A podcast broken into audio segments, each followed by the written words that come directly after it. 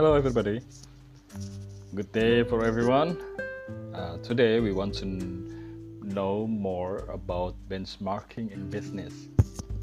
Well, uh, benchmarking in business is a way of comparing best industry practices against your organization processes to identify performance gaps and achieve a competitive advantage.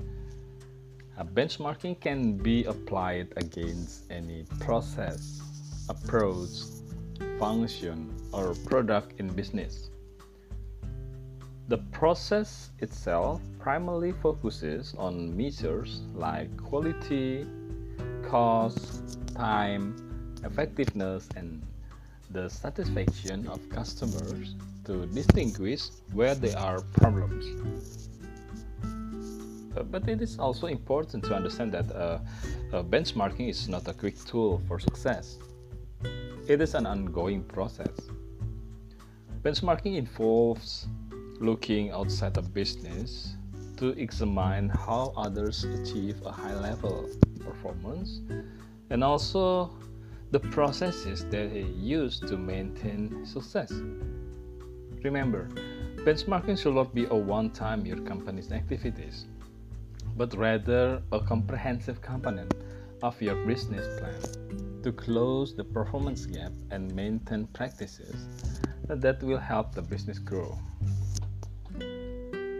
The benchmarking process is not just useful for better understanding your competitors, but also improving the efficiency and effectiveness of your own business. Take a look closer at how your business is performing.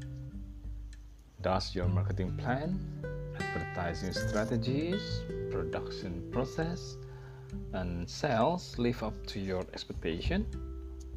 Well, if not, there, there may be something missing.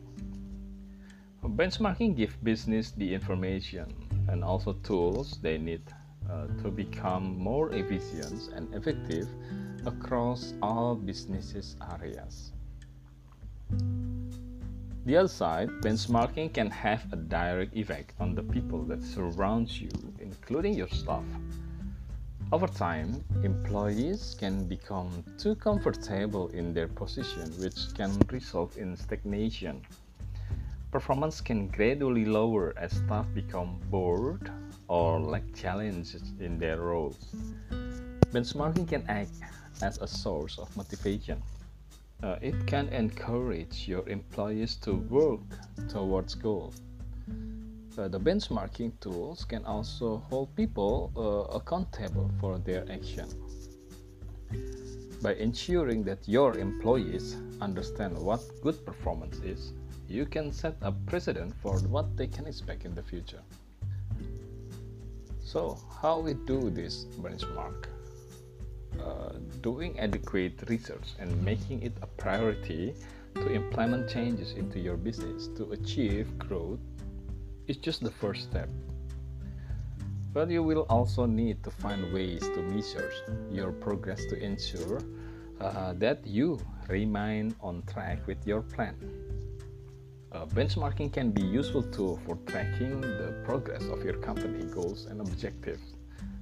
A benchmark is not merely a ranking, but shows the gap in performance that many businesses face With benchmarking, uh, you can watch as this gap uh, gradually closes as your business become closer to reaching its goals. So, benchmarking is a potentially powerful tool to promote continuous improvement in an organization. However, uh, just relying on internal only measures uh, will breed a myopic perspective. Care should be taken to define benchmarking initiative uh, deliberately and scientifically, or the results could be misleading. Okay, I think it's enough for now. Uh, thank you for listening me. See you in next episodes. Bye.